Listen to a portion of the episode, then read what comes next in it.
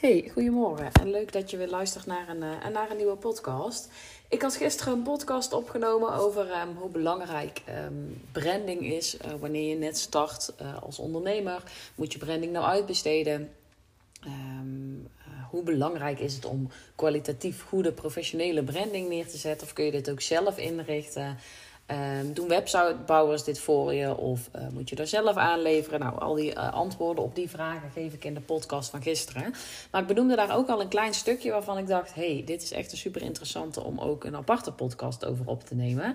Um, namelijk over het duidelijk zijn wat je wel en niet aanbiedt. Toen ik startte als, um, nou, ik ben eigenlijk gestart als virtual assistant, maar later uh, ben ik vrij snel veranderd van doelgroep. Ben ik overgestapt op de startende ondernemers en ben ik me echt gaan richten op websites Ook wel eens een aparte podcast over opgenomen.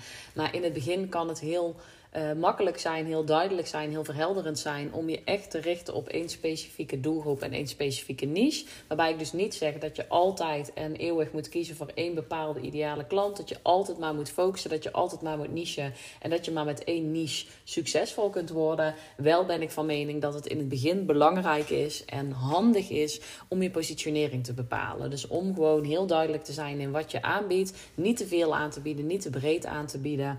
Um, om te zorgen dat je die eerste klanten krijgt, dat je de eerste klanten aan gaat trekken, waarvanuit je daarna weer veel breder kunt gaan worden in je aanbod. Maar je kunt beter gaan vissen in een kleinere vijver dan in een hele grote vijver.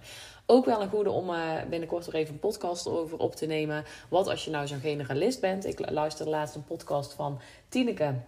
Tineke Zwart en van Kim de Graven, die het beide hebben over het zijn van een creatieve generalist. Uh, dus wat als je wel heel veel dingen leuk vindt, wat als je wel heel veel dingen aan wilt gaan bieden. En als er toch gezegd wordt, je moet nichen, je moet een ideale klant kiezen, je moet kiezen, je moet een specialist zijn, want alleen dan uh, kun je succesvol worden. Daar heb ik ook nog wel een mening over te delen, dus dat wordt weer een nieuwe podcast. Maar in deze podcast wil ik het ook eventjes met je hebben over het duidelijk zijn in wat je wel en wat je niet bent. En dus het aantrekken, maar ook afstoten van bepaalde klanten. En mijn verhaal hierin, mijn ervaring hierin en uh, wat ik erover met je wilde delen. Misschien sta je ook ingeschreven op mijn nieuwsbrieflijst. Dan heb je gisteren ook al een nieuwsbrief ontvangen met een klein tipje van de sluier. Want daar vertel ik al een stukje over dat proces, zeg maar. Maar heel vaak wordt er gedacht. Um, als startend ondernemer of wordt startend uh, ondernemers vooral geadviseerd, en dit is wat er bij mij ook gebeurde, om vooral niet te vertellen wat je niet bent. Um, ik had namelijk als startend ondernemer, dacht ik, nou, ik ga me dus echt richten op websites. Dus ik leerde van A tot Z hoe ik een goede website kan bouwen, hoe de techniek moet, hoe je uh, een goede uh, website inricht qua opbouw, qua layout, qua teksten, qua online marketing. Hoe zorg je voor goede call to actions? Hoe zorg je dat die website soepel loopt? Hoe ga je aan de slag met SEO-optimalisatie? Hoe zorg je nou voor verkeer naar de website? Alles wat er bij die website kwam kijken. Um, maar wat ik niet was, was grafisch vormgever. Dus soms kwamen mensen bij mij en die zeiden van oké, en uh, ja, dan moeten we een bepaalde huisstijl hebben. En dan zei ik, ja, die mag je bij mij dus inderdaad zelf aanleveren. Dus je kunt kiezen of om met een branding expert te gaan werken en een compleet brandpakket voor je neer te laten zetten. Of je gaat zelf aan de slag met die branding. Je gaat je huiskleuren bepalen, je gaat een moodboard maken. Je gaat een beetje kijken welke kleuren en lettertypes wil ik terug laten komen. Je maakt daarvan een moodboard en vanuit daar gaan we de website bouwen. Maar ik ben geen um, grafisch vormgever. En uh, toen kreeg ik heel vaak terug van coaches, van buddies, nou, van allerlei mensen omheen. Van ja, maar waarom zeg je daar steeds van ik ben geen uh, grafisch vormgever? Want je haalt jezelf hiermee gewoon omlaag. Je zegt eigenlijk wat je niet bent en je wilt juist benoemen wat je wel bent. En um, daar ben ik het mee eens. Ik merk ook gewoon vooral onder startend ondernemers dat we heel goed zijn in onszelf naar beneden praten. Dus allemaal zeggen wat we nog niet kunnen, waar we nog niet staan, wat we nog niet behaald hebben, welke omzet we nog niet hebben, welke klanten we nog niet hebben, wat anderen allemaal wel hebben. Uh, ik ben ook zeker voorstander van gaan benoemen wat je wel kan, gaan geloven in wat je wel kan, vertrouwen op wat je wel kan en wat je wel te bieden hebt. Uh, maar anderzijds kan het ooit ook gewoon heel verhelderend zijn om te zeggen wat je niet bent. En ik voelde daar al een beetje een weerstand. Want ik had ooit klanten die dan bij mij kwamen en die zeiden van... Uh, ja, nou, ik wil dit en dit uit gaan stralen, maar ik weet niet precies hoe. Dus uh, succes ermee. En dan kijk maar wat jij ervan kunt maken. Maar ik merkte altijd in het proces dat ik daar enorm bleef hangen. Want ik ben gewoon geen grafisch vormgever. Punt. Ik heb daar geen opleiding voor gevolgd. Ik heb daar geen achtergrond voor. En ik vind het best wel leuk om een beetje te gaan spelen met kleurtjes, lettertypjes en weet ik het allemaal wat. En ik kan daar ook best iets moois van maken wat aansluit bij mij. Maar ik vind het heel moeilijk om voor iemand anders te gaan bepalen wat hij uit wil stralen. En dan kan iemand wel zeggen van ja, ik wil een beetje een warme uitstraling. Uh, dan kan ik vervolgens tien kleuren bij elkaar brengen op die website. Maar misschien verstaat diegene dat helemaal niet onder een warme uitstraling. Um, zo heb ik laatst, uh, heb ik werkelijk nog steeds samen met de klant. Die zei op een gegeven moment, weet je ik wil iets meer van het, uh, van het rood naar het groen. Dus doe maar groen als, uh, als accentkleur. Dus, dus als hoofdkleur. Maar ja, wat is groen? Weet je, wat de een groen vindt, vindt de ander niet groen. En in groen heb je 300 tinten groen. Dus welke groen vind jij het mooist? Dus ik vind het heel belangrijk. En ook zij heeft mij weer geleerd uh, dat ik daarin moet kiezen en dat ik daarin duidelijk moet zijn. Ik vind het heel belangrijk dat mijn ideale klant weet dat ik een websitebouwer ben en geen grafisch vormgever. Dus dat ik niet voor jou een complete kleurenpalet samen ga stellen. Uh, dat ik niet voor jou kan bepalen wat past bij jouw bedrijf, wat jouw uitstraling is. Want daar ben ik niet in gespecialiseerd. Ik ben gespecialiseerd in het bouwen, in die website optimaal opbouwen. In zorgen dat die layout klopt, dat de opbouw klopt, dat we de klanten mee aan gaan trekken, dat we weten hoe we die ideale klant aanspreken. Maar ik ben niet gespecialiseerd in wat je uit wil stralen met je branding. En daarom zeg ik ook eigenlijk altijd: je hebt drie opties. Of je kiest voor een websitebouwer die tevens ook grafisch vormgever is en die het hele pakket voor jou doet. En dit klinkt vaak super makkelijk en, en fijn en uh, veel, ja, dat je denkt, nou dat is mooi, dan heb ik alles op één plek. Maar weet ook gewoon dat daar een prijskaartje aan hangt. Een grafisch vormgever um, of een branding expert, die weten ook hun prijzen wel. Wat heel goed is, want die doen heel goed werk en die doen heel veel en daar gaat heel veel tijd in zitten. Maar weet wel dat je dan een heel andere prijs betaalt als dat je gewoon een website laat bouwen. Als jij je complete branding neer wilt laten zetten, daar betaal je gewoon voor. En dan mag je echt wel aan 1000, 2000 of nog meer euro's denken om zo'n pakket. Natuurlijk zijn er ook branding experts die het voor minder doen. Hè? Maar weet dat dit best normale prijzen zijn om voor jezelf een brandingpakket neer te laten zetten. Voor dezelfde geld heb je ook een complete website laten bouwen. Dus maak daarin keuzes wat je wilt. Ga je uitbesteden of niet? Uh, dat vertel ik ook in de podcast van gisteren. Uh, de tweede optie is dan dat mensen zeggen. Um, Um, ik ga zelf mijn branding. Uh, dus, dus optie 1 is zeg maar je um, besteedt het uit. Of nee, ja, je besteedt het uit aan iemand uh, die en de website doet en het brandingpakket maakt. Dat is optie 1. optie 2 is dat je het uitbesteedt aan een branding expert. En dat je het moodboard of het brandingpakket bij mij aanlevert. En dat ik vanuit daar de website bouw. Optie 3 is dat je gewoon je eigen brandingpakket be bepaalt. En dat je dan bij mij komt. En dat ik gewoon zelf met wat jij aanreikt jouw website ga bouwen. In die podcast van gisteren ga ik dus veel verder op wat nu belangrijk is bij branding, hoe ik daar tegenaan kijk, of je als startend ondernemer uit moet besteden of dat je het ook prima zelf kunt doen. Dat komt allemaal in de podcast van gisteren aan bod.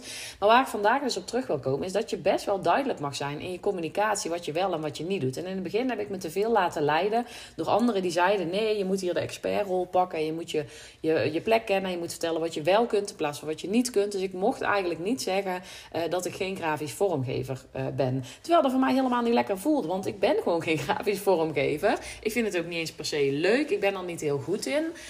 Um, dus ik, het zou een beetje voor mij raar voelen als ik constant mensen zit vertellen dat ik ze daar heel goed bij kan helpen. Uh, en dat het een expertise van me is. Terwijl het helemaal niet zo is. Dus tegenwoordig ben ik daar veel duidelijker in. Weet je, kom je bij mij, dan lever je dus zelf een moodboard aan, een, een, een brandbord aan. Uh, maakt mij niet uit hoe je daaraan komt. Of je het zelf doet, uitbesteedt, whatever.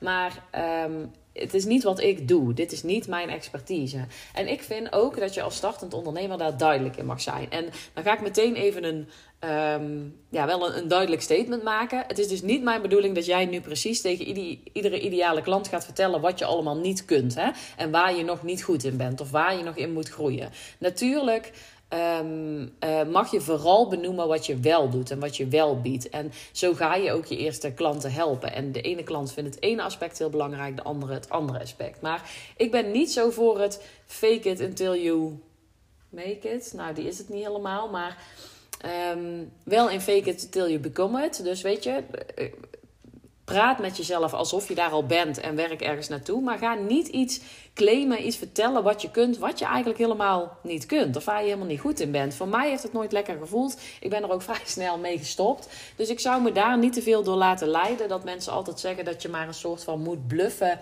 Ehm, om die eerste klanten te krijgen. Het is niet zo dat je jezelf omlaag hoeft te gaan praten. Het is ook niet zo dat je in een salesgesprek vooral moet gaan benoemen wat je allemaal niet kunt of nog niet kunt. Want het zijn altijd dingen die je ook kunt leren hè, en die je in het proces erbij kunt pakken. Maar ik ben ook geen voorstander van iets gaan verkopen wat je gewoon niet bent of wat je gewoon niet hebt. Daar schiet je helemaal niks mee op. Aan het einde van de rit kom je bedrogen uit of zijn mensen niet tevreden um, of zijn mensen niet blij. Dus ja, ik zou daar een beetje voorzichtig mee zijn. En ik hou dus ook wel van duidelijkheid. Ik heb laatst weer een aantal mensen afgewezen die een mailtje naar me stuurden.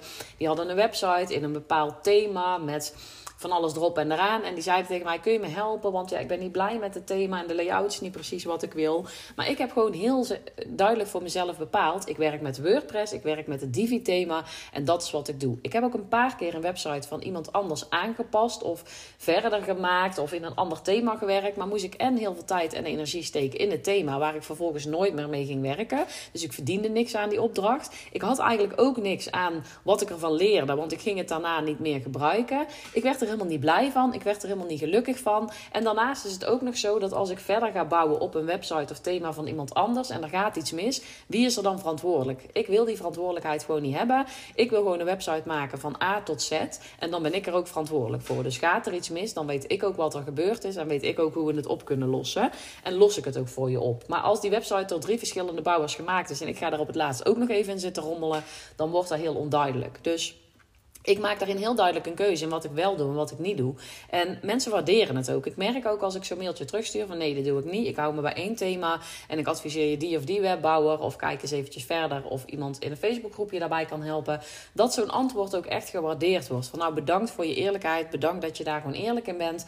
Ik heb zo echt al best wel wat klanten afgewezen. Maar gewoon omdat ik weet, dit zijn niet mijn ideale klanten. Ik ga hier gefrustreerd van raken. Ja, het is misschien een beetje geld verdienen. Maar waarschijnlijk ga ik er meer tijd in stoppen dan dat ik er iets aan verdien. Ik ga er waarschijnlijk ook in de toekomst niks meer aan hebben. Dus ik ga het ook gewoon niet doen. Maar ik ben dan ook gewoon heel duidelijk. En persoonlijk, als ik naar mezelf kijk, ik hou heel erg van duidelijkheid. Ik heb liever dat mensen eerlijk zijn en duidelijk zijn. En dat ze me niet kunnen helpen of dat ze me doorverwijzen. En ik vind dan echt niet dat ze zichzelf naar beneden praten. Ik vind gewoon dat het heel helder en duidelijk is.